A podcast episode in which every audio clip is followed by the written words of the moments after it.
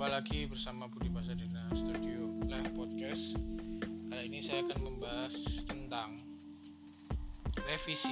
Oke, seberapa jauh kita menghandle sebuah project, uh, khususnya ketika project itu harus direvisi oleh klien.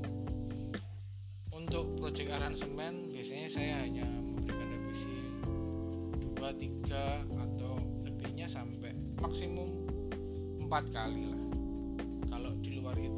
saya anggap kita memang tidak cocok untuk mengerjakan bareng saya balikin duitnya atau saya batalkan kerjasamanya. Jadi saya sesimpel itu ketika bekerja dengan orang untuk memproduksi musik. Untuk revisi mixing biasanya satu kali atau dua kali saya rasa sudah sangat mewakili. Jadi saya saya simpel sekali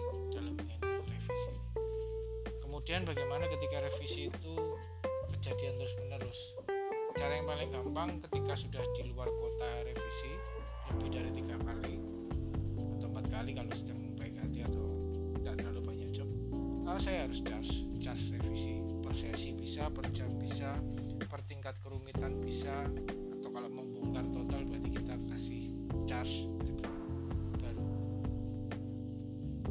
Ya kira-kira seperti itu